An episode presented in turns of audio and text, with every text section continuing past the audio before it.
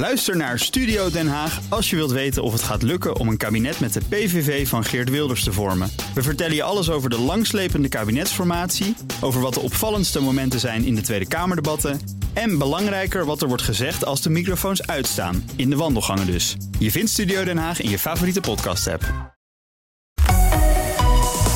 BNR Nieuwsradio. BNR breekt. Ivan Verrips. Goedemorgen en welkom. Vanaf half twaalf praat ik als vanouds over het nieuws van de dag, over de formatie.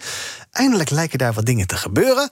En dat doe ik niet alleen, want dan zou het heel erg monotoon geworden. Nee, ik heb bij me Tarim Ramjan, freelance journalist, onder andere voor het Parool. Goedemorgen. Goedemorgen. En André van Hout, voorzitter van de Jonge Socialisten. Goedemorgen, André. Een hele goede morgen. BNR breekt. Breekijzer. Daar beginnen we elke uitzending van BNR Breekt mee. Ons breekijzer. Nederland is door Amerika voor de gek gehouden. Dat is onze stelling vandaag waar jij op kunt reageren. En dan hebben we het natuurlijk over de missie in Afghanistan. President Biden liet gisteravond 10 uur eindelijk iets van zich horen... over de situatie waarin Afghanistan beland is... nadat de VS het land verlieten. I stand squarely behind my decision. After 20 years, I've learned the hard way that there was never a good time to withdraw U.S. forces. That's why we're still there. Ja, geen spijt van het vertre- vertrek uit het land dus. En hij zegt eigenlijk wanneer het ook doet... het was eigenlijk nooit het goede moment geweest. En hij deed nog een aantal andere opmerkelijke uitspraken. Zoals dat de missie eh, niet gericht was op nation building, op opbouw. Maar dat is eigenlijk toch juist wel waarom wij daar waren als Nederland zijnde. Waarom hebben we dan eigenlijk meegedaan met deze missie? Zijn we een beetje door Amerika voor de gek gehouden. Dat is ons breekijzer dus vandaag, daar kun je op reageren. En als je wil meepraten, pak je je telefoon... en bel je nu naar 020 468 4x0. Ik zie uh, meneer Hogeboezem en Rob Quist al hangen. Die ga ik zo meteen het woord laten. Maar ik begin met Raymond Mens, Amerika-kenner. Goedemorgen, Raymond. Goedemorgen, goedemorgen. Ik denk dat wij hier in Nederland toch wel met enige verbazing naar eh, Biden gisteravond hebben zitten kijken. Uh, laten Ja. we, eh, ik ga jou even vragen om twee brillen op te zetten. Eerst even de Nederlandse-Europese bril en daarna de eh, Amerikaanse bril. Maar wat, wat heb jij gezien als jij met je, met je Nederlandse blik kijkt? Nou ja, dan heb ik een president eh, gezien die een land vertegenwoordigt dat het zat is om ehm, eh, in allerlei buitenlandse missies verstrengeld te raken. Die beginnen met eh, we moeten bijvoorbeeld een terreurdreiging minimaliseren. En die vervolgens uitlopen in, ja, je noemde het net al, nation building. En iedereen die een beetje heeft opgelet de afgelopen jaren, bijvoorbeeld in, het, in de Tweede Kamer of het ministerie van Buitenlandse Zaken. En die heeft nu Biden gisteren horen spreken, maar die had ook eerder Trump kunnen horen spreken. Of zelfs Obama kunnen horen spreken. En die had zich al eerder kunnen concluderen dat de Amerikanen zich terug, terugtrekken van het wereldtoneel. Toch een wat meer America First eh, beleid gaan voeren. En dat betekent dat dit soort ellenlange conflicten, eh, ja, dat ze die kost, kosten wat kost willen beëindigen. Ja, en dan trekt Biden nu hard de, de pleister ervan af. En hij zegt zelf ook al Ja, maar eigenlijk... dat kan niet als een verrassing komen. Nee, en eigenlijk zegt hij ook al, eh, nooit was het goede moment geweest. Dus het moet een keer gebeuren. Ja, en, en, en dan kom ik op hè, die tweede eh, bril. Kijk, dit is Joe Biden en die zit al, nou ja, eh 50 jaar in de Amerikaanse Senaat. Is natuurlijk vicepresident geweest, nu is hij zelf president. En iedereen die Joe Biden een beetje heeft gevolgd de afgelopen decennia... weet hoe hij hierover denkt. En hij, hij, hij houdt helemaal niet van dit soort eh, conflicten... met wat hij dan noemt een open eind. Eh, dit is de man die over Irak ooit zei van... joh, laten we dat land gewoon in stukjes opdelen. Dat bestaat toch uit verschillende stammen. Dat wordt anders nooit wat. En die ook al meteen bij het begin van het Afghaanse conflict eh, zei... toen de Amerikanen daar binnen vielen van jongens, let op. eh, tuurlijk prima, Al-Qaeda moeten we uitschakelen. En ik wil ook nog wel kijken waar Osama Bin Laden zit. Maar daarna is het gewoon klaar. Obama dacht er ook zo over. Die hebben eh, samen besloten van wij gaan hier weg. Eh, we willen een einde maken aan dit eh, conflict. En toen heeft het Pentagon tegen Obama gezegd... wat ze eigenlijk nu ook tegen Biden hebben gezegd... van doe dat nou niet, want dan ontstaat er een enorm grote chaos. De Afghaanse regering die we zelf hebben opgetuigd... die houdt dat niet. En toen heeft Obama gezegd... oké, dan blijf ik toch wat langer. En Biden was daar toen op tegen. Nou, nu is hij zelf president en die zegt... ja, eh, wat hij gisteren ook zei... wanneer kunnen we dan wel weg? En het antwoord van het Pentagon erop was... ja, dat weten we niet. En dan was voor Biden, dat was voor Biden genoeg om te concluderen... ja, dan kunnen we dus nooit weg. Eh, ik ga hier een eind aan maken. Ja, en het risico dat hij daarmee loopt, dat neemt hij dan maar voor lief. In Ja, dat neemt hij voor lief. In politieke zin, Hij- in de zin van de reacties, in de ellende, de, de beelden die je nu ziet. Want dat zal natuurlijk aan hem blijven kleven, waarschijnlijk, die beelden uit Afghanistan. Ja, dit blijft kleven. Aan de andere kant, of we het nu leuk vinden of niet, de boodschap die hij gisteren gaf, namelijk eh, het is mooi geweest, eh, we kunnen er niet nog 10 of 20 jaar zitten, we hebben ze alles gegeven wat ze nodig hadden, geld, wapens. Ja, die mee wordt door 80% van de Amerikanen gedeeld. Dus die toespraak gisteren was natuurlijk ook voor binnenlands publiek bedoeld. En ja, hij vindt de Amerikanen aan zijn zijde. Ja. Alright, blijf even hangen. Ik kom zo bij je terug. Eerst even een rondje in mijn panel. Uh, Tarim, onze breekijzer is vandaag dus... Um, Nederland is door Amerika voor de gek gehouden. Zie jij dat zo? Ik vind voor de gek gehouden een beetje sterk uitgedrukt. Um, maar ik moet zeggen dat gisteren toen ik hem... hij ging er met best wel een gestrekt been in. Hij zei snel in de speech al van uh, nation building was niet het idee. Uh, toen dacht ik wel van, goh, dat is niet altijd zo duidelijk geweest. En ik zag ook um, gisteren op Twitter alweer langskomen dat mensen de, de State of the Union van president Bush in 2004 erbij hadden gehaald. -hmm. uh, en dat zijn natuurlijk oude koeien, maar daarin wordt dan ook door de toenmalige president gezegd van ja, en we hebben een nieuwe grondwet opgebouwd en we hebben bepaalde rechten verworven voor vrouwen en dergelijke. En we gaan ons ervoor inzetten om dat nog verder te ontplooien. Waarvan je wel kunt zeggen, kijk, op dat moment was Bin Laden bijvoorbeeld nog niet gepakt. Um, dus, dus de missie zoals Biden die uiteenzette, was dan ook nog niet voltooid. Mm -hmm. Maar ja, hoe er toen over werd gesproken, riekt toch wel heel erg naar dat nation building. Ja. En je ontkomt daar niet helemaal aan. Maar om het zo stellig te zeggen van dat was nooit onze intentie. Uh, en en dat, uh, daar moeten we niet ook aan gemeten worden. Dat vond ik wel uh, vergaand, ja. André? Nou ja, ik. ik um, kijk, dat is natuurlijk wel gezegd. En dat is vaker gezegd. En uh, daarom snap ik ook, of ja, ik snap het wel, maar ik kan me niet helemaal vinden in de verontwaardiging die er speelt, omdat we al lang weten uh, dat wanneer Amerika de boodschap deelt, klop, klop, hier is je vrijheid, uh, dat het dan meestal een andere, andere doelstelling heeft. En ook deze was volgens mij is het niet heel gek dat zij daar vooral zaten om het terrorisme te bestrijden, waarin, uh, waar zij mee werden geconfronteerd in, in 2001. Ja, het is een beetje naïef om te denken dat ze daar ook kwamen om uh, uh, allerlei gezellige nou ja, nation building dingetjes te doen. Dus. Nee, ja, ik, ik, geloof wel, ik geloof wel dat ze dat, dat ze dat ook wel meenemen. Maar mm -hmm. de kern van hun, hun zijn daar was naar aanleiding van de aanslag ja. op uh, de Twin Towers natuurlijk. En dan kun je wel zeggen van goh, dan uh, is het heel, heel naar dat ze zeggen dat ze daar niet het land op gaan bouwen. Maar dat is überhaupt nooit de, de, de, de hoofdgrond geweest om daar naartoe te gaan. Nee. Ik ga een paar bellers aan het woord laten, kijken hoe zij erover denken. Kevin, goedemorgen. Ja, goede, goedemorgen met Kevin McCorder. Hi. Hallo, zeg het maar. Ja, ik ben uh, wel volledig mee eens met wat uh, Joe Biden heeft gedaan. En ja, hij heeft helemaal niet uh, Nederland in de maling genomen. Het is, it is zo dat in eerste instantie was het het terrorisme bestrijden. En na twintig jaar, zo'n missie ontwikkelt zich in, in een richting van uh, proberen iets op te bouwen in een land. En op een gegeven moment moet je het overdragen aan het land. Je kan niet eeuwig daar blijven. Ja. En op een gegeven moment moeten zij de, de draad weer oppakken en zelfstandig uh, verder. En als ze dat niet willen, nou, dat is hun keus. Ja, dus als je, de deur, als, je de deur dicht, als je de deur dicht trekt en het wordt er dan een puinhoop, is het hun eigen schuld? Het is uiteindelijk hun land. Ja. Ja. Ja, maar goed, wat ik zeg, daar, daar, je, je, ziet de beelden. Je hoort de verhalen over de Taliban. Dat zijn geen uh, lieve mensen, ook al doen ze nu alsof ze dat wel zijn. Uh, ja, het is hun land. Je hebt daar twintig jaar iets willen betekenen. Nu trek je de deur dicht en binnen een paar dagen wordt het daar een puinhoop. Ja, nou ja, goed. Het uh, is wel een. Het maakt niet uit hoe je het doet. Mhm. Het blijft een moeilijke situatie. Ja. Je krijgt deze beelden. Ja. En gelukkig komt de Amerikaanse leger gewoon met duizenden om het een beetje te stabiliseren. Omdat ik, ik weet, ze zijn wel ontzettend verrast door de snelheid van dit allemaal. En nu proberen ze uh, orde op zaak te stellen om het wat geleidelijker en, en beter te laten, te laten verlopen. Ja, duidelijk. En inderdaad de mensen weg te halen die daar uh, weg moeten. Rob, goedemorgen. Goedemorgen, met Rob Quist spreekt u. Hi. Ja, de verwarring die is ontstaan. Het is ook ontstaan, denk ik, door het uh, gedoe rond het Kunduz-akkoord destijds. De Amerikanen wilden dat onze militairen daar bleven voor, voor, voor een vechtmissie. En, maar er was weinig politiek draagvlak voor. En uh, om dat te, te bewerkstelligen hebben ze dus daar, uh, via dat Kunduz-akkoord... hebben ze gezegd van, nou ja, wat dat mogelijk te maken... via een zogenaamde politiemissie. Om daar ook een opbouw te doen. Maar je moet het een beetje vergelijken om de pil te, een beetje te verzachten. Men heeft destijds ook gezegd van... de dus de oorlog in Indië, hebben ze ook een politionele actie genoemd. En nou hebben ze dit een politiemissie genoemd, om uh, onder andere ook GroenLinks uh, zover te krijgen, dat daar onze aanwezigheid daar voortgezet was. Want voor een vechtmissie was geen draagvlak meer. En toen hebben ze dat gecombineerd met een soort opbouwmissie. Daardoor is volgens mij een deel van die verwarring ontstaan. Ja, we hebben onszelf er een beetje ingerommeld. Nou ja, uh, weet, weet, u dat uh, onszelf een beetje ingerommeld. Dat was de tijd. Die, die, we wilden dat de zogenaamde politiemissie. Was in Indië noemden ze dat de politionele actie. Was opbouwen in combinatie met, met vechten. Want de Amerikanen hebben enorme druk uitgeoefend dat wij daar moesten blijven.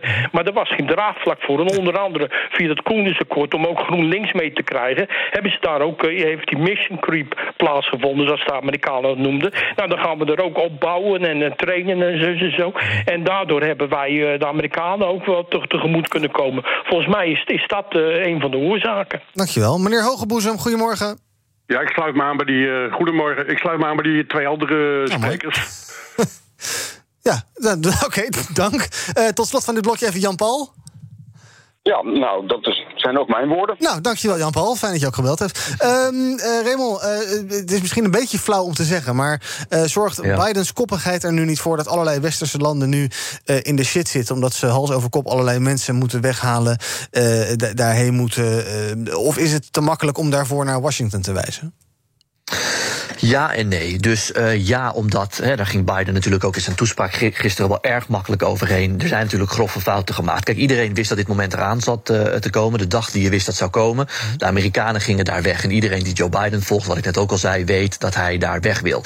Uh, maar er zijn natuurlijk wel grove fouten gemaakt bij de manier van weggaan. Hè. Het feit dat de Amerikanen nu alsnog moeten doen wat Biden niet wilde, namelijk duizenden extra militairen sturen om enigszins ordelijk snel iedereen terug te halen. Ja, dat zegt genoeg. Dus als je weet dat deze dag er dan aan zit te komen, dan had dat beter gepland uh, moeten worden. Tegelijkertijd, we hebben het net over de Kunduz-missie gehad. Het is natuurlijk wel erg makkelijk om vanuit Europa, en laat ik het op Nederland betrekken, om vanuit Den Haag naar de Amerikanen uh, te wijzen van ja, jullie moeten daar maar langer blijven. Terwijl hier jaren geleden al een kabinet is gevallen op de Afghanistan-kwestie, omdat iedereen in de Tweede Kamer, althans heel veel partijen in de Tweede Kamer, vonden dat het wel mooi geweest was. Dus op het moment dat Obama zei ik wil eigenlijk weg, wilde de hele, hele Nederlandse politiek ook weg uit Afghanistan. Veel andere Europese Europese landen ook. En het is Obama geweest die uiteindelijk heeft gezegd: oké, okay, als mijn eigen legertop adviseert dat dat niet kan, dan blijf ik toch langer. En ook Trump trouwens heeft gezegd: oké, okay, dan blijf ik toch nog wat langer, want die wilde ook al veel eerder weg. Dus het is makkelijk om steeds naar Washington uh, te wijzen, maar het zijn toch de Amerikaanse uh, broers, zussen, ooms, tantes, vaders, moeders die uh, op missie worden gestuurd naar Afghanistan. Ja. en daar zijn de Amerikanen wel een beetje klaar mee. Ja. André, dat politieke aspect, ik zei net tegen een van de bellers, hebben we onszelf er een beetje ingerommeld. hoe kijk jij daarnaar? Um, het ingerommeld in deze situatie of überhaupt dat we naar, naar Afghanistan zijn Nou ja, gegaan? überhaupt dat we daarheen zijn gegaan en hoe we daarheen zijn gegaan, zeker de afgelopen jaren. Nou, en die, we zitten natuurlijk bij de NAVO. Politiek gezien betekent dat wanneer een van de NAVO-landen oorlog ergens verklaart of ergens naartoe gaat, dat je natuurlijk wel heel snel uh, bij elkaar aansluit om elkaar te steunen. Want dat zou andersom dito zijn geweest. Uh, dus dat, dat, dat is wat mij betreft niet heel erg onlogisch. Los van wat je er zelf van vindt natuurlijk. Maar even terug ook op deze situatie. ik ben het ook wel mee eens dat het wel heel makkelijk is om naar de Amerikanen te wijzen van goh. Um, omdat Joe Biden nu is weggegaan, dan, dan is er hier één grote, één grote chaos ontstaan. En zijn er, moeten er allemaal mensen geëvacueerd worden. Uh, die wij niet kunnen evacueren op dit moment. -hmm. Maar die beslissing die Joe Biden heeft gemaakt om het weg te laten gaan, dat was inderdaad al heel lang duidelijk. En het was ook heel lang duidelijk dat ze weg zouden gaan. Dus ik bedoel, ik probeer maar te zeggen, dus nu komt er volgende week, als het goed is, komt er een debat over wie wel of niet je moet terughalen. dat is veel te laat. We wisten al lang dat dit eraan zat te komen. En nu doen we alsof we die overrompeld door zijn door deze situatie. Maar dit is inderdaad de dag waarvan je wist dat het zou komen. En er is niet op geanticipeerd. En dat is vrij treurig. Nou, dat debat vindt uh, uh, nu onder andere plaats in de Tweede Kamer. Mocht daar nieuws komen, hoor je dat natuurlijk direct hier. Tarim, vind jij dat we nu inderdaad, ja, nu door allerlei mensen uh, ja, gevangen zitten daar, die weg willen, moet je inderdaad, nou ja, we hebben het uh, beelden gezien van het Amerikaanse toestel dat ramvol zat met, ik geloof, 640 mensen neus aan neus, die allemaal mee zijn gegaan, weg. Moet je inderdaad ook als Nederland zijn en zeggen, joh, iedereen waarbij ook maar enigszins het geval lijkt te zijn dat je iets met Nederland te maken hebt gehad, kom maar mee en dan gaan we hier wel uitzoeken hoe het, hoe, hoe het verder zit? Ja, absoluut. Ik vind het ronduit schandalig hoe er nu wordt gehandeld door de Nederlandse ambassade in Afghanistan. wat namelijk uh, gebeurt is bij een Afghaanse bewaker. Ehm, dat is dus geen tolk. Eh, voor de tolken is een coulantere regeling opgezet. Uh, voor de bewakers is dat volgens mij. is er vannacht een brief over gestuurd. Nog niet heel veel duidelijkheid over. Maar die heeft afgelopen zondag. Uh, of althans eerder al. de ambassade gemaild met de aanvraag voor asiel. Kreeg zondag een mail van de ambassade. waarin stond. ja, het ministerie van Defensie kan bevestigen. dat je voor Nederland hebt gewerkt. maar je hebt niet op een dermate hoge positie gezeten. Dus uh, maak je geen aanspraak op deze regeling. En daar stond wel een link naar uh, de website van de Verenigde Naties over hoe je überhaupt asiel kan aanvragen. Van oh, misschien heb je hier wat aan. Uh, ja, met kind regards van de embassy. Dat ik denk, ja, kom op, deze mensen aan het rennen, vliegen, vluchten voor de Taliban. En dan krijg je zo'n kille bureaucratische reactie. Um, dat vind ik echt van de zotte. Um, en ik kan, ik kan me niet voorstellen dat, we, uh, dat, dat het land is dat we willen zijn. BNR breekt. Ivan Verrips. Met vandaag in mijn panel André van Hout, voorzitter van de Jonge Socialisten. Tarim Ramjan, journalist, onder andere bij het Parool. En Raymond Mens, Amerika-kenner. Hij praat mee als deskundige over ons breekijzer vandaag. Nederland is door Amerika voor de gek gehouden. Wil je ook mee praten? Pak nu je telefoon 020 468 4x0. 020 468 4x0. Onze stelling dus, Nederland is door Amerika voor de gek gehouden. Zometeen ga ik uh, mevrouw Marines aan het woord laten. Eerst nog even een andere meneer aan het woord laten, deze. Our mission in Afghanistan was never supposed to be nation building. It was never supposed to be creating a unified, centralized democracy. Our only vital national interest in Afghanistan remains today what it has always been preventing a terrorist attack on America's homeland. I've argued for many years that our mission should be narrowly focused on counterterrorism, not counterinsurgency or nation building. Ja, Raymond, jij zegt dus, dat is eigenlijk altijd al duidelijk wat Biden hiervan vindt en vond. Um, uh, ja. Toch, als je dat nu vraagt, en er zijn natuurlijk gelijk mensen die gaan allerlei archieven opspoor, op, op, opsnorren en mm -hmm. kijken wat, wat vorige presidenten gezegd hebben, dan, zeg, dan, dan valt er toch ook wel iets voor te zeggen dat er ook iets is gezegd. Nou, misschien is nation building nog geen eens zozeer gevallen. Althans, dat wordt geloof ik ook wel eens gevallen bij Bush. Maar, uh, ja. Uh, maar ja, het is, het, is toch, het is toch te kort om te zeggen. We kwamen er alleen maar om de directe dreiging uit te schakelen en daarna gingen we weer weg.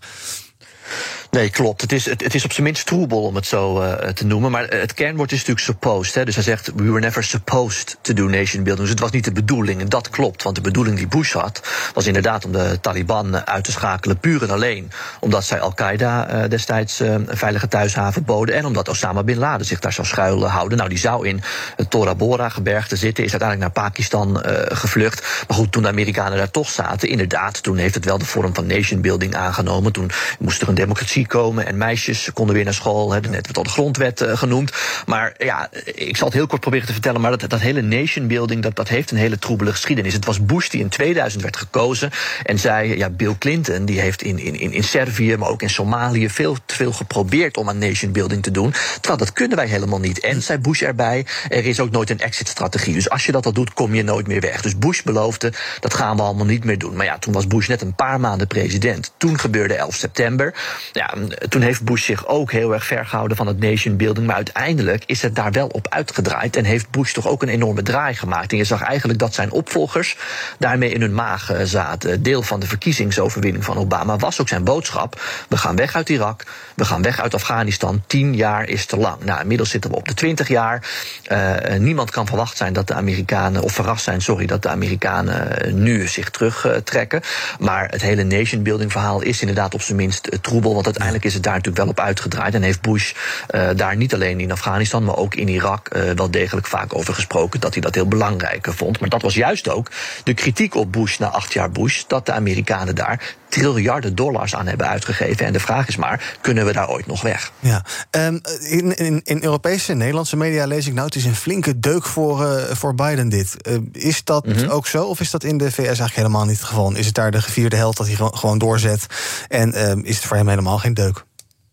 Nou, de, de chaotische beelden die we zien, die zien de Amerikanen natuurlijk ook. Hè, van mensen die op het vliegtuig proberen mee uh, te liften. En dan, uh, als die beelden kloppen, uh, zelfs uitvallen. Ja. duizenden meters boven de lucht. Dus dat, dat zien de Amerikanen ook. En ga er maar vanuit dat ze dat tot en met 2024 zien.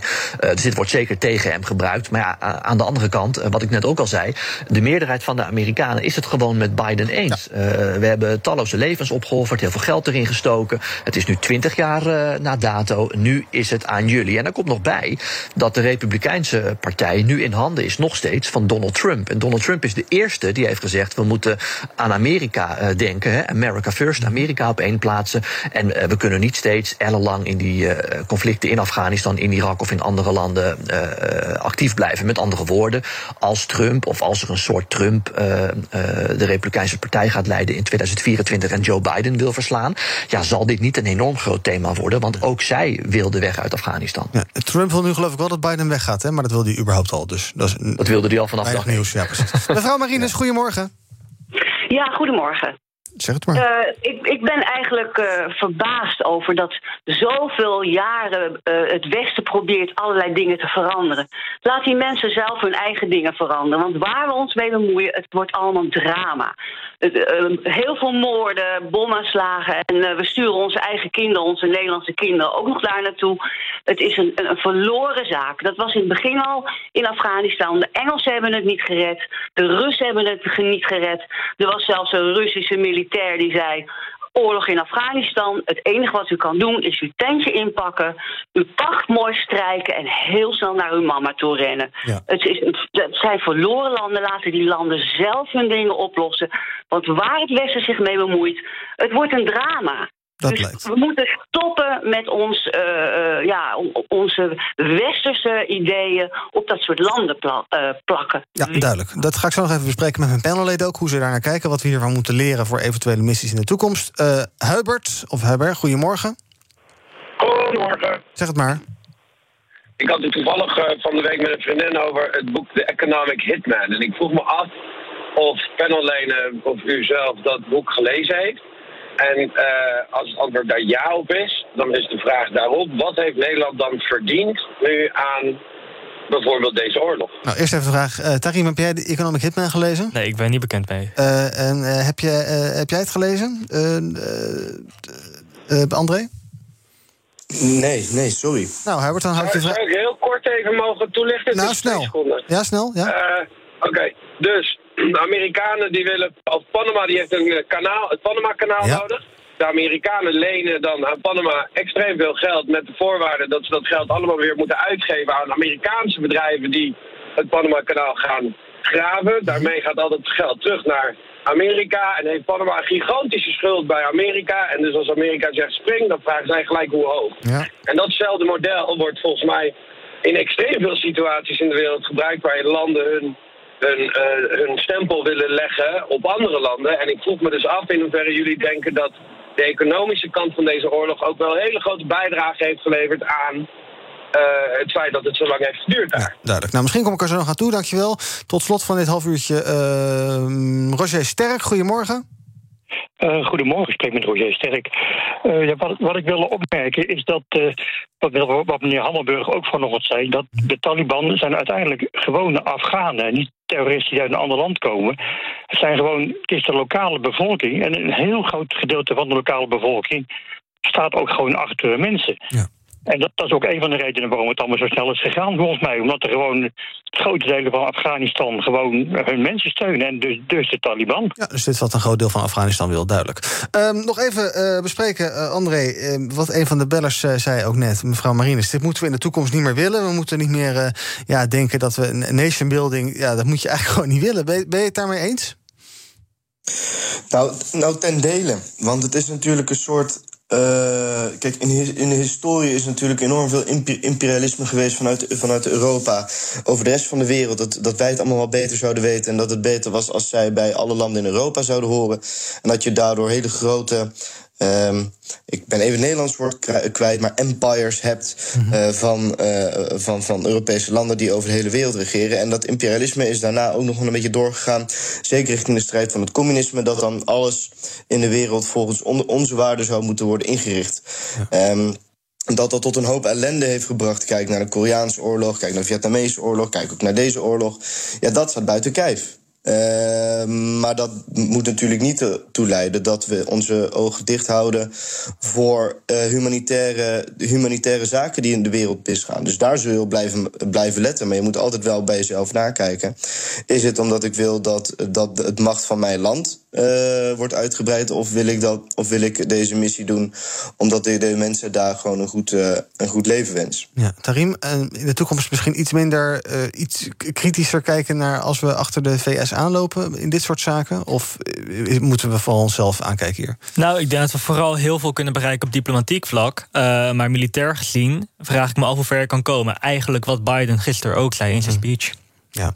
Um, tot slot, uh, Raymond nog eventjes. Uh, ja, wat ik al zei, er is een Politico, een aardige artikel met reacties uit Europa. Allemaal teleurgestelde en een beetje bozige reacties. Ja. Gaat dit nou nog iets doen over met de relatie tussen Europese landen en de VS? Of is dit nou, nu even ingewikkeld en hebben we het een tijdje moeilijk omdat we die mensen daar moeten weghalen en gedoe, gedoe? Maar is dat uiteindelijk, ja, over een half jaar weet niemand het meer? Nou, ik denk wel dat mensen het over een half jaar uh, nog weten. Maar ik denk dat twee dingen uh, belangrijk zijn. Europa kan kritiek hebben. En er is zeker veel kritiek te leveren gebeurd in de VS ook. Over de wijze waarop er nu uh, vertrokken is. Ook de mensen om Biden die zullen als eerste toegeven. Niet op camera, maar wel als het cameraknopje uit is. Dat dit falikant fout is gegaan. En dat ze dit volledig verkeerd hebben ingeschat. Tegelijkertijd zal de boodschap aan Europa zijn. Hadden jullie daar dan wel langer willen blijven? Volgens mij wilden jullie al veel eerder weg dan ons. Dat is één. En twee, ja, ik, ik zeg het al langer. Ik ga toch even mijn boek erin gooien, maar dat doe ik omdat functioneel is. Niet omdat mijn boek was. Ja, en dat is omdat ja, Trump kan ook er niet meer zijn. En die is nu ook eventjes niet meer. Misschien komt hij terug, misschien niet. Alleen uh, heel veel trends achter Trump die blijven. En uh, America First is een trend die blijft. Dat zie je onder Biden nu ook. Dus we kunnen en mogen niet verrast zijn.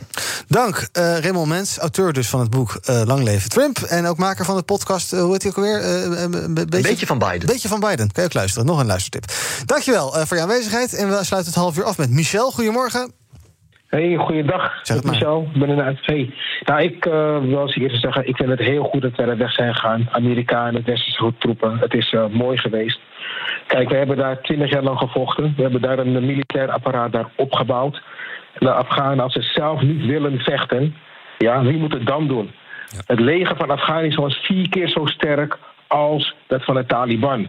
Als die jongens zelf niet gemotiveerd zijn, ja, moeten wij dan blijven sterren, daar, daarheen gaan en blijven vechten en sterren, onze jongens? Het kan er niet. We moeten gewoon, we hebben willens en weten weggekeken dat er een corrupte regering daar zat die gelden van de, van de Verenigde Naties, van de, uh, van de EU en van Amerika in eigen zak hebben gestoken. Waar is de president naartoe? Die is nu lekker in het buitenland. Met hoeveel miljoen zit hij daar? Al die andere uh, lagere uh, leiders die daar gezeten hebben, die met corruptie hun zak gevuld hebben, het leger niet hebben gesteund. En uiteindelijk is de koek gewoon op. En nu moeten we daar weg. We zoeken gewoon uh, diplomatieke banden uh, met, de, met, de, met, de, met de Taliban oprichten. En voor alle mensen voor wie het heel vervelend is, jongens en de meisjes die niet een vrij, een vrij land hebben, hadden ze maar harder moeten, werken, harder moeten vechten. En de mensen die echt willen vechten, hadden daar moeten zijn. Ze hadden alle middelen om gehad, twintig jaar lang, om er echt wat van te maken. Maar blijkbaar willen ze het dus toch niet. En dan is de koek op. Wij gaan weg en joh, zoek het uit daar. Duidelijk. Heel vervelend. Dank voor het bellen, Michel. Het is genoeg dus. De pleister moest er hard af. Het is gebeurd. En uh, ja, dat is wel uh, heeft wat pijnlijke bijeffecten. En daar hebben we nu mee te maken. Um, en uh, hopen dat dat goed afloopt. Dank alle bellers. dank dus Raymond Mens. Zometeen praat ik verder met mijn panelleden... over een nieuwe ronde formatiegesprekken. De overgebleven partijen mogen één voor één aanschuiven bij Hamer. Maar in de Kamer zit het toevallig ook het duo Rutte-Kaag. En we hebben een tot nu toe eenmalige rubriek BNR breekt cancelled.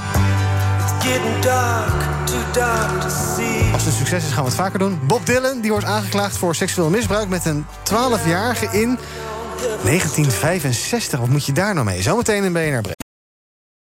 Ook Harm Edens vind je in de BNR-app. Je kunt BNR Duurzaam niet alleen live luisteren in de app, maar ook terugluisteren als podcast, zoals al onze podcasts.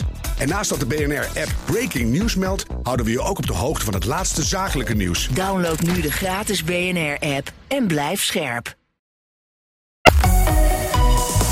BNR Nieuwsradio. BNR breekt. Ivan Verrips. Welkom terug in mijn panel vandaag. Je hoorde dus net al Tarim Ramjan, journalist bij onder andere het Parool... en André van Hout, voorzitter van de Jonge Socialisten. Zometeen nieuws van de dag. Um, uh, op dit moment is dus in de Kamer het uh, debat bezig... Uh, rondom de situatie in Afghanistan.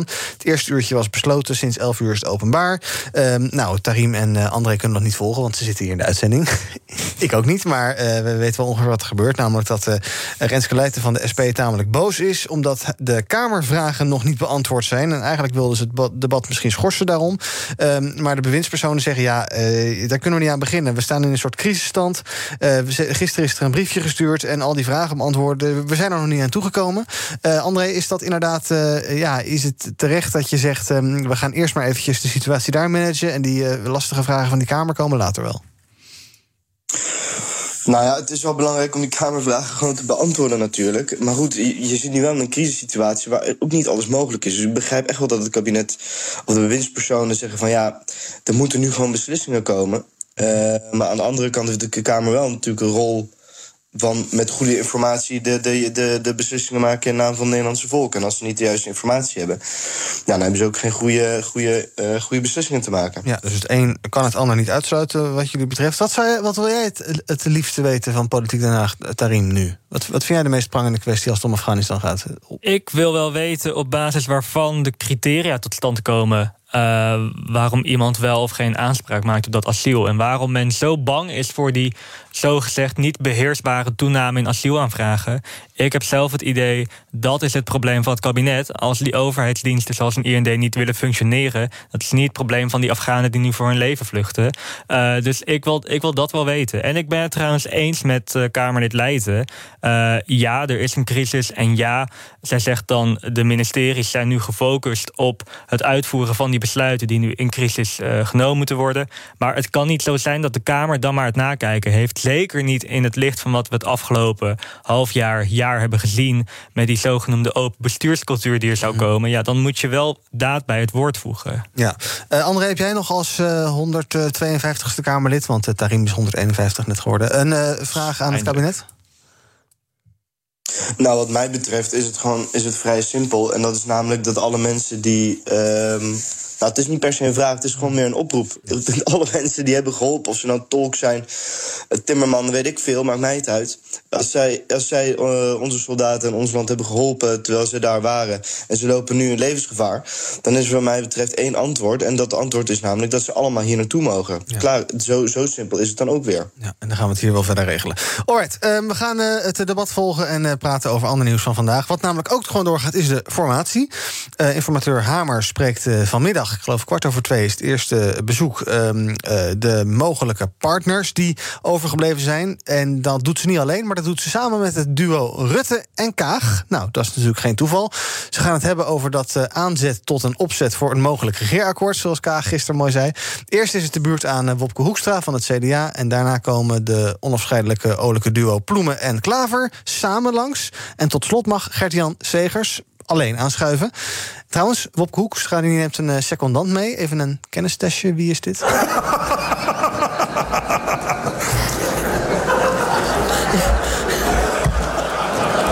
We moesten er zelf om lachen. Ja, Tarim? Heerma? Het is inderdaad Heerma, voormalig fractievoorzitter Pieter Heerma. um, uh, wat, wat uit dit gastenlijstje, Tarim, wat maak jij daaruit op? Uh, zometeen, dus, nou ja, Rutte en Kaag, dat snappen we natuurlijk, want die hebben samen dat document geschreven. Boekstra, Hoekstra alleen. Ploemen en Klaver, nou, die houden elkaar vast, dus dat uh, blijven ze vast wel doen. En tot slot, uh, Gert-Jan Segers, wat, als jij dit gastenlijstje zo ziet, wat, wat zie jij dan ontstaan langzamerhand in jouw glazen bol? Ik zie ontstaan heel veel roepen dat er haast is en in feite geen enkele vooruitgang maken. Een beetje cynisch, maar ik, ik vraag me echt af uh, of, we, of we nu verder komen in deze ronde. Wat zie jij, uh, André? Ja, ik, uh, ik zou er denk ik even cynisch in. Maar ik, uh, ik zal een hoopvol verhaal houden. Dat ik, uh, dat ik in ieder geval hoop dat, uh, dat er bij dit gesprek dat er wel een en ander naar voren komt. En dat, dat partijen toch bereid zijn om met elkaar in gesprek te gaan zonder meteen elkaar uit te sluiten. Want ja. dat is wat er nu wel gebeurt. Ik bedoel, rechtsmidden sluit linksmidden uit. Ja, en alles daar extremer van aan de andere kant, dat, dat sluit je dan meteen ook uit. Dus eigenlijk zijn in ieder geval VVD en CDA de partijen die eigenlijk heel de Nederlandse politiek hebben uitgesloten voor het, uh, voor het maken van de regering. Mm -hmm. Ja, maar dat, dat, dat Hamer nu praat met Rutte en Kaag en dat uh, Ploemen en Klaver samen langskomen, dat zegt toch wel dat er ja, langzamerhand vormen te zien zijn? Of is dit alleen maar een soort uh, spel, tariem en ja, danst iedereen leuk om zich heen en verandert er dus verder niets uiteindelijk, denk ik? Nou, ik ben het wel met je eens. Kijk, het, het wordt nu nog wezenlijker dat Klaver en Ploemen elkaar vasthouden ja. en dat uh, Rutte en Kaag ook als één blok naar voren willen komen. Ja, ze hebben natuurlijk ook zitten schrijven de afgelopen tijd samen. Um, maar ik weet nog steeds niet, ja, weet je, als een VVD dan met de oproep komt uh, van ja, we willen niet met twee linkse partijen, dan kun je wel leuk met elkaar koffie gaan drinken. Ja, of ze gaan natuurlijk achter gesloten deuren veel verder met elkaar in gesprek mm -hmm. dan wat wij zien en weten. En eigenlijk hoop ik dat ook, want dan zit er nog wat schot in de zaak. Ja. Um, uh, wat zegt het jou trouwens, André, dat Wopke Hoekstra een, uh, secondant meeneemt? Is dat uh, ja, opvallend of niet? Ja, nou, ja, ik snap het wel dat hij niet eens eentje langs wil komen. Dus nee. dat zegt mij niet per se heel veel. Het betekent alleen maar dat hij nu juist extra voorzichtig is, omdat hij zich volgens mij misschien dan extra stappen gaat ondernemen. En daardoor dus heel veel voorzichtigheid is geboden om zijn eigen belangen, of nou, het belangen van het CDA in, de, in dit geval. Uh, in ieder geval goed te kunnen beschermen. Dus ja, misschien dat er toch wel iets gaat gebeuren. Want uh, ja. nu durft hij misschien nog wel iets toe te zeggen. Ja, de positie van het CDA is natuurlijk uh, sinds de start van de zomerstop alleen maar wankelen geworden. Op sommige plekken peilen ze nog maar zes zetels. Het congres moet nog komen. zie jij het CDA hier nou instappen, inderdaad? Oef, uh, nou, ik denk dat, dat. Kijk, peilingen zijn niet het aantal zetels dat je hebt, hè. Dus ze hebben gewoon zetels waarmee ze eventueel een kabinet in kunnen gaan. Dus ik, uh, ik verwacht niet dat ze zich daar enorm. Kijk, tuurlijk heb je een congres dat je tevreden moet stellen. En je moet geen gekke dingen doen in tijden dat het in je partij zo onzeker is. Mm -hmm. um, maar ik denk niet dat het hem weerhoudt, of in ieder geval het CDA ervan weerhoudt, om uh, nog steeds mee te praten over eventuele kabinetsdeelname. Ja. Um, Tarim, de laatste optie die dan altijd nog boven de markt komt drijven, is dan uh, toch, toch maar weer met de ChristenUnie. Maar gisteren zei Kaag in het AD: nee hoor, gaan we echt niet doen. Slim om uh, die deur dicht te gooien als je het gewoon echt niet wilt. Dat je dan zegt van ja, dan maar duidelijk. Het is misschien niet zo. Nou, democratisch is zo'n groot woord, maar uh, het is in ieder geval wel duidelijk. Nou ja, het, uh, die optie, de mogelijkheid daarvan, die meandert een beetje. Hè? Want ChristenUnie zei eerst zelf van, nou, voor ons hoeft het niet. Wij mm. houden het op de achtergrond. En toen op een gegeven moment dat Slegers nagedacht, zei hij, nou, weet je, ik ben er wel weer voor in. Uh, en nu is Kaag even een beetje hard to get. Xly, als ik echt mijn geld ergens op in zou moeten zetten, zou ik inderdaad uh, de huidige, voortzetting van de huidige coalitie zeggen. Ja, dan moeten er wel bewegingen worden gemaakt door uh, D66 en ook door ChristenUnie. Er moeten sowieso bewegingen worden gemaakt. Ja. en misschien is dit nog een kleinere beweging dan wat je van de VVD zou, moeten, zou verwachten zouden twee linkse partijen erbij komen. Ja. Nou, we gaan het afwachten vandaag. Uh, kwart over twee dus het eerste gesprek, geloof ik. En daarna uh, volgt het elkaar op. En uh, benieuwd of er weer allerlei niet-zeggende statements komen aan het einde. BNR breekt. Over niet zeggen, nee, dat is, jong, dat is te makkelijk. Dat is te makkelijk. Heb je het gisteren gehoord? Ik heb er van alles over gehoord. Ik heb ja, maar ook die statements? Dat waren ja, zeker. niks, niks ja, Het ging nergens over. Maar goed, nou, het is gelukkig wel... En dan ben ik cynisch. Net, het is net kwart over twee, dus dan kunnen ze allemaal nog keurig naar BNR Zaken doen luisteren. Dat, dat is, oh, daarom is dat gepland. Ja, ik snap het al. Gisteren misten ze dat allemaal ja, natuurlijk. Ja. Hey, um, wie hey. heb jij zo meteen te gast in Zaken doen? Henk Markerink is er. Hij oh, is de vertrekkend directeur van de Johan Cruijff Arena. Na 25 jaar. Dus van de eerste graspriet, die moeizaam groeiende graspriet, tot nu. Hij heeft het allemaal meegemaakt. En het is natuurlijk ook een veelbewogen laatste jaar geweest met... Uh, minder mensen op de tribunes, helemaal geen mensen op de tribunes, uh, moeten snijden in de organisatie. Uh, toch ook de afgelopen jaren een ingewikkelde relatie met met name Ajax. Toch is benieuwd hoe hij daar op terugkijkt na al die tijd. Henk Markering, dus daar beginnen we mee. -hmm. Pieter Schoen is er ook. Hij werd vooral bekend van de Nederlandse Energiemaatschappij. en hij mocht toen, toen hij dat bedrijf verkocht, zich drie jaar lang niet bemoeien met de Nederlandse energiemarkt. En nu heeft hij die drie jaar uitgezeten. Gaat hij het met een Belgisch bedrijf alsnog proberen om in Nederland weer een nieuwe energieleverancier groot te maken. Hij is ook zo meteen gast. Beleggerspanel is er over Wirecard onder andere. Want nu willen ook beleggers toch nog wel iets proberen uit die failliete boedel te halen. Of dat kans van slagen heeft, dat ga je horen in BNR Zaken doen. Zometeen om 12 uur. BNR breekt. Vandaag mijn panel André van Hout, voorzitter van de Jonge Socialisten... en Tarim Ramjan, die is journalist, onder andere bij Het Parool.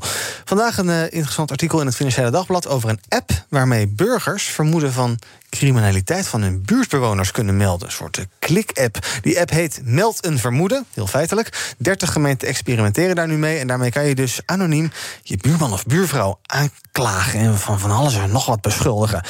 dat hij altijd de auto verkeerd parkeert. Of uh, altijd uh, de, de, de bloempotten buiten laat staan. terwijl het er allemaal niet meer uitziet. Autoriteit persoonsgegevens en juristen waarschuwen voor de privacyrisico's die kleven aan dit soort apps. En ook zou het racisme kunnen uitlokken.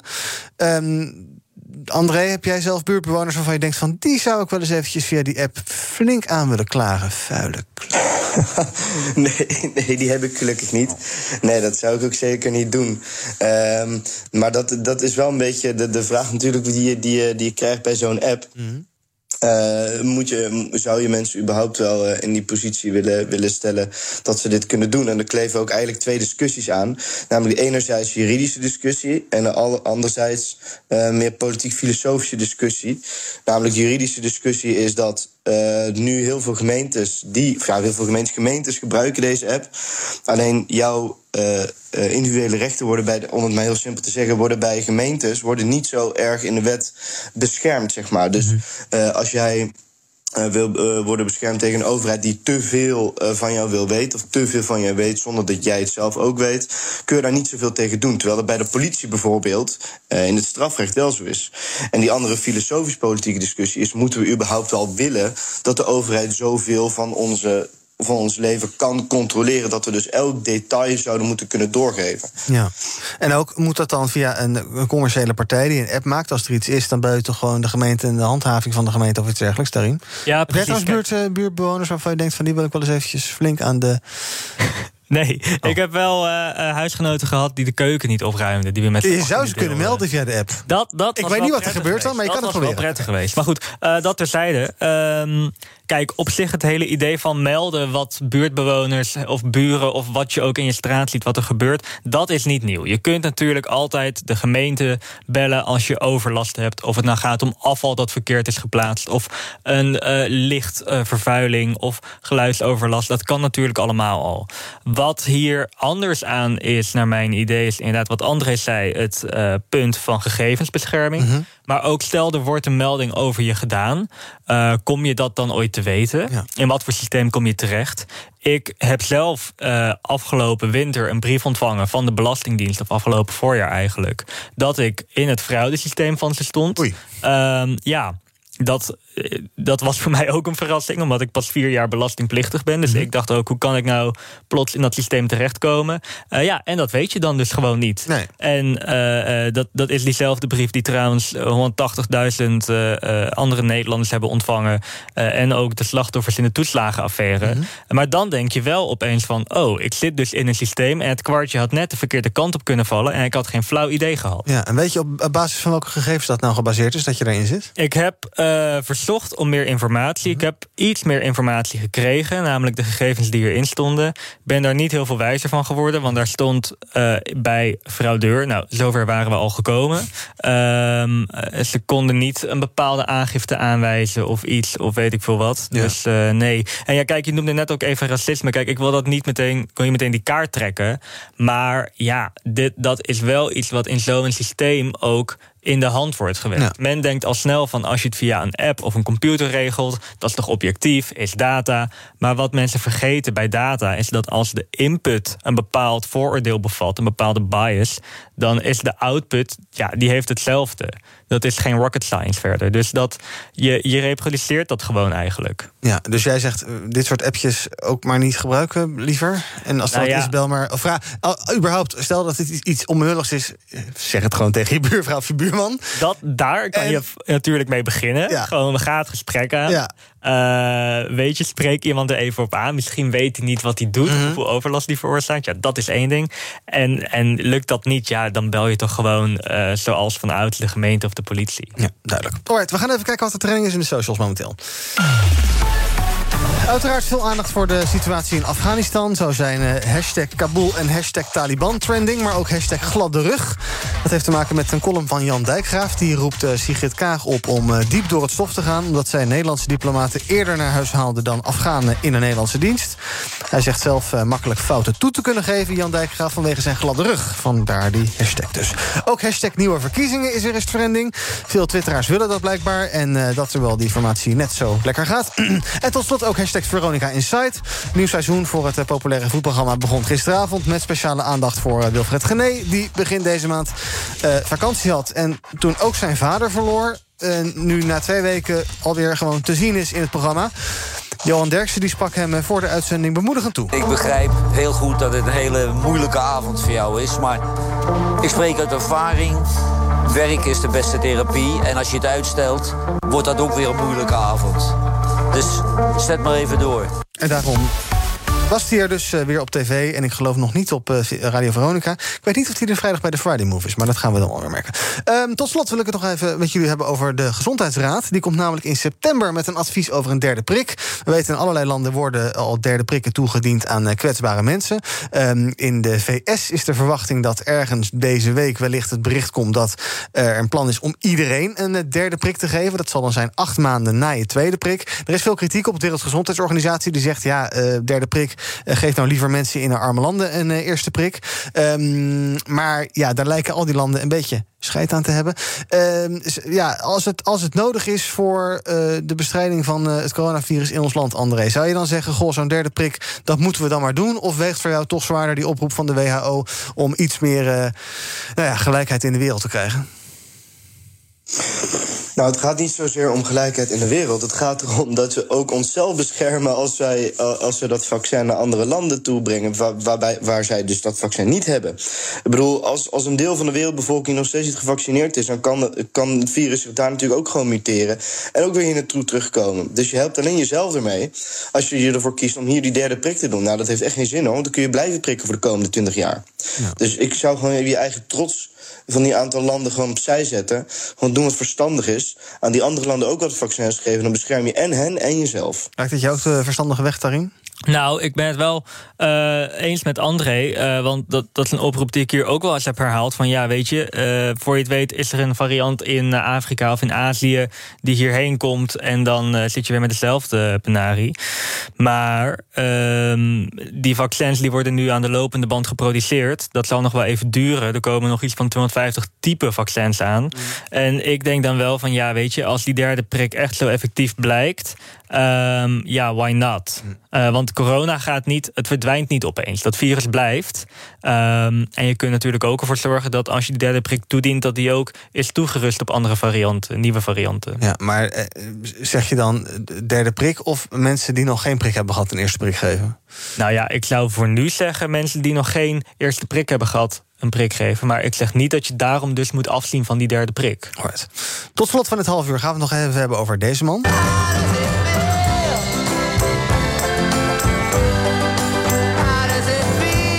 is Bob Dylan natuurlijk. Eh, interessante en best wel opvallende zaak. Een 68-jarige vrouw heeft een klacht ingediend tegen Dylan... omdat hij haar in 1965 seksueel misbruikt zou hebben. Die vrouw was toen 12 en ze claimt dat dat misbruik meerdere keren heeft plaatsgevonden. Ze zou er tot op de dag van vandaag nog klachten aan hebben. Bob Dylan die ontkent dat, geloof ik. Uh, André, het is een opvallende zaak, want een mevrouw van 68 die, iets, die een aanklacht indient over iets wat gebeurd zou zijn toen zij 12 was. Um, ja, god, wat moeten we hier nou mee? Um, uh, ik vind het ingewikkeld. Nou ja, weet je, zo'n zaak in principe verjaart niet, hè? Ik bedoel, uh, los van het juridische aspect. Ik bedoel, als jij op je twaalfde mishandeld bent door iemand, seksueel mishandeld bent door iemand, dan neem je dat je hele leven mee. En of dat, dan, dan hoort daar, tenminste, mocht dat, mocht dat zo zijn geweest, uh-huh. mocht dat zijn gebeurd, dan hoort daar een passende straf bij. Of dat nou 50, 60 of 70 of, of vijf jaar later is. Uh, want je hebt iemand gewoon enorm veel littekens uh, bezorgd. Ja. Uh, en dat was toen ook al duidelijk. Dus wat mij betreft, ja, als, er een, als er een goed onderzoek mogelijk is dan uh, vooral doen. En uh, ik, uh, ik hoop dat degene die gelijk heeft, in het, ook in het gelijk wordt gesteld. Ja, inderdaad. onderzoek kan natuurlijk nooit kwaad. Maar het is natuurlijk wel opvallend dat deze mevrouw pas na 56 jaar een klacht erover indient. Of, of is dat niet zo opvallend? Nou, het is voor, het is, maar je moet wel beseffen dat voor heel veel mensen, ook kort, kort na, na, na zo'n geval, dat het ontzettend lastig is om, om daarover aangifte te doen. Meestal, zeker in die tijd, was het nog heel dat je jezelf misschien meer de schuld geeft over wat jou is overkomen. Het is natuurlijk een hele emotionele stap om, om, om zoiets te doen. Je streept op het wereldtoneel. Uh, in ieder geval in deze zaak treed je op het wereldtoneel. En je stelt jezelf nog kwetsbaarder op dan dat je al bent. Um, en er is ook nog een hele grote kans dat er, dat er niks uitkomt. En dan heb je, tref je alle blaam op jezelf. Terwijl je ook nog eens uh, lichamelijke en mentale littekens hebt. Ja, dus inderdaad maar goed uitzoeken. Uh, Tarim, het heeft te maken met de wetgeving, geloof ik, in New York. Klopt, ik heb het even opgezocht en ik las dat er in New York uh, een wet gold uh, waarbij ja, dit soort dingen wel verjaren, althans voor het soort aanklacht dat de vrouw heeft uh, ingediend. Mm Want ze wil schadevergoeding, vooral ja. voor alle, ja, alle leed die ze heeft, dat ze heeft geleden. En die wet is vorige week vervallen. Ja. en daarom is ook Prins Andrew vorige week aangeklaagd. En daarom is ze nu eens over de brug gekomen. En daarom is ze nu over de brug gekomen. Dus dat verklaart wel wat. Maar ik denk dan wel, ja, weet je, bewijstechnisch ik weet niet hoe je nu dingen uh, uit 19, wat was het, 65? Ja. Uh, hoe je dat nu nog rond gaat krijgen. Dus dat wordt wel echt een ingewikkelde zaak voor, ja, zowel voor alle advocaten involved, denk ik. Ja. Tot slot nog even een korte laatste update van het Afghanistan-debat. Nu in de Tweede Kamer. CDA Dirk Boswijk, zelfreservist, die uh, is volgeschoten tijdens het debat over Afghanistan. Als hij het over veteranen heeft, luister even mee. Zoals ik al zei, heb ik de laatste dagen veel contact gehad met veteranen. Die net als de nabestaanden van veel gesneuvelde, excuus. Veel gesneuvelde militairen op dit moment hele zware dagen nog maken. Hier moet aandacht voor zijn. Het CDA en de SGP willen hun waardering uitspreken voor deze medewerkers van ontwikkelingsorganisaties, voor de ambtenaren van Buitenlandse Zaken en Defensie, die nu alles op alles zetten voor deze evacuatie. Ja, het raakt hem duidelijk. En uh, logisch is dat. Uh, we hebben ook de afgelopen dagen veel militairen, ex-militairen aan de telefoon gehad hier bij BNR Breekt. En ja, ik snap als je daar geweest bent dat het je heel erg kan raken. En er is ook hulp beschikbaar voor die mensen um, via Defensie allemaal te regelen, uiteraard. We gaan het debat volgen. Je hoort er meer over bij in de middag op BNR. Tot zover BNR Breekt. Dank Tarim, dank André. Graag tot de volgende keer. Morgen ben ik er weer. Tot die tijd kan je ons volgen op de socials. En zometeen zaken doen met Thomas. Tot morgen. Ook Diana Matroos vind je in de BNR-app. Ja, inderdaad. Je kunt live naar mij luisteren tijdens de Big Five. Ook handig in de BNR-app. Breaking nieuwsmeldingen, maar ook het allerlaatste zakelijke nieuws. En je vindt in de app alle BNR-podcasts, waaronder Wetenschap Vandaag. Download nu de gratis BNR-app en blijf scherp.